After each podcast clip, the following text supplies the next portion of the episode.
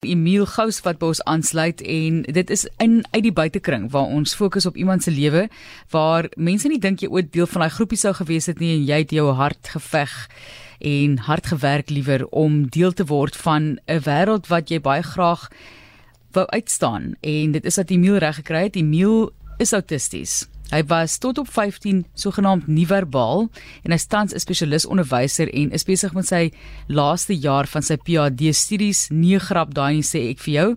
Emil is ook die ondervoorsitter van Autisme Suid-Afrika. In 2019 is hy verkies as raadslid van die Commonwealth Disabled People's Forum waar hy neurodiversiteit verteenwoordig.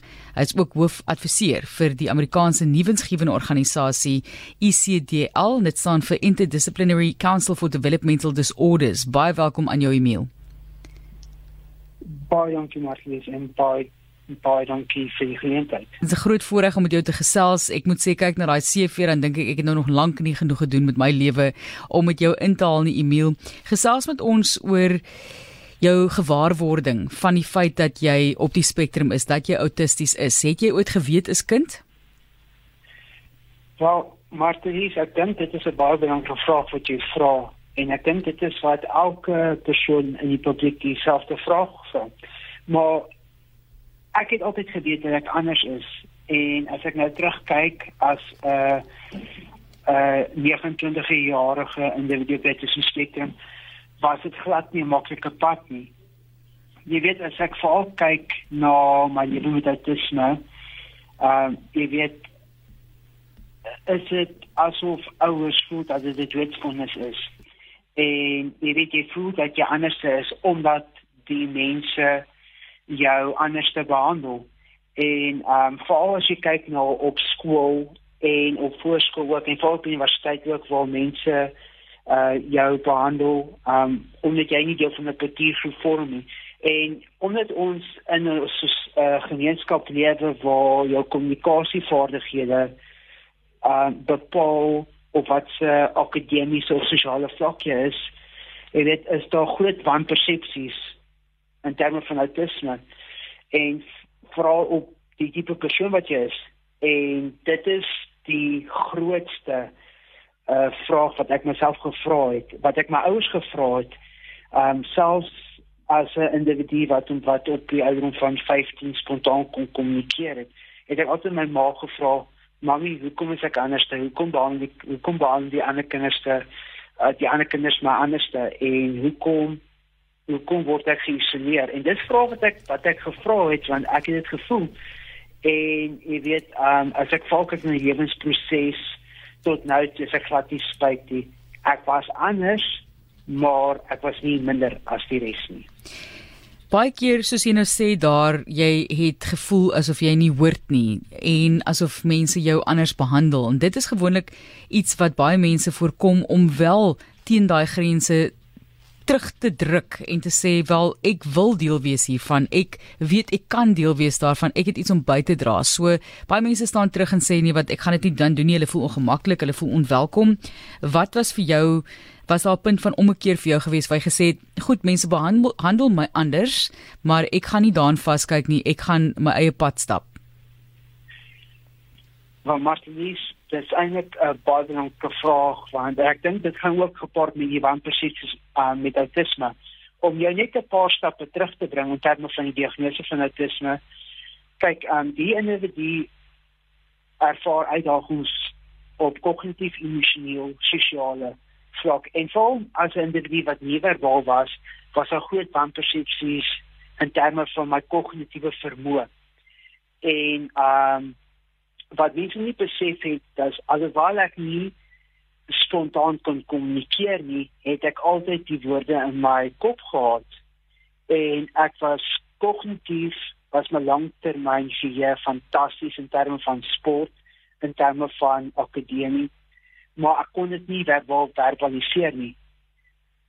Ek was teenwoordig in geselskappe, ek was teenwoordig in die samelewing, maar weer eens, jy weet, dit mense dit dit mense die persepsie gehad dat ek nie dat dat ek nie teenwoordig was nie. En een ding wat my wat wat wat wat jy wat my ehm um, laat uitstaan in terme van my portefeulje is die feit dat ek 'n interne dryf gehad het om mense verkeerd te bewys.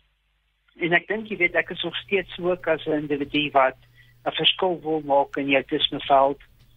Um en selfs ook um, met my studies en wil ek graag um dit myself om myself bewys maar um ek dink veral dat um dat ek uh spontaan um akademies um gefloreer het nadat ek kon kommunikeer na die rond van van 15 16 um want as jy volg kyk net jy spektrum kort die individu baie ondersteuning op verskillende vlakke.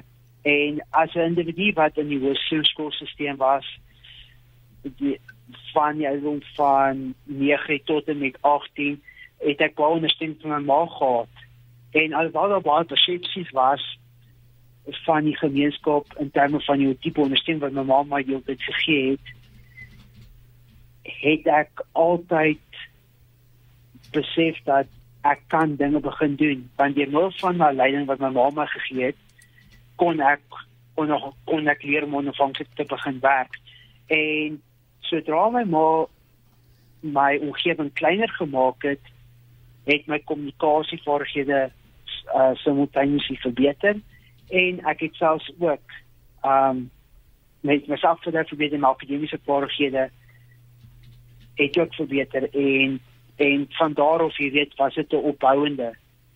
En dis wat mense nie verstaan nie. So ja um dit was 'n lang proses maar ek het nog altyd daai dryf gehad en ek dink dit is wat daai dryf wat my wat wat wat wat my my toekoms sal help om 'n verskil te maak Jy het besluit om by die Universiteit van Pretoria sielkundige geskiedenis en dierondersteuning as hoofvakke te studeer. Jou PhD sê vir ons waar wat is die vraagstuk?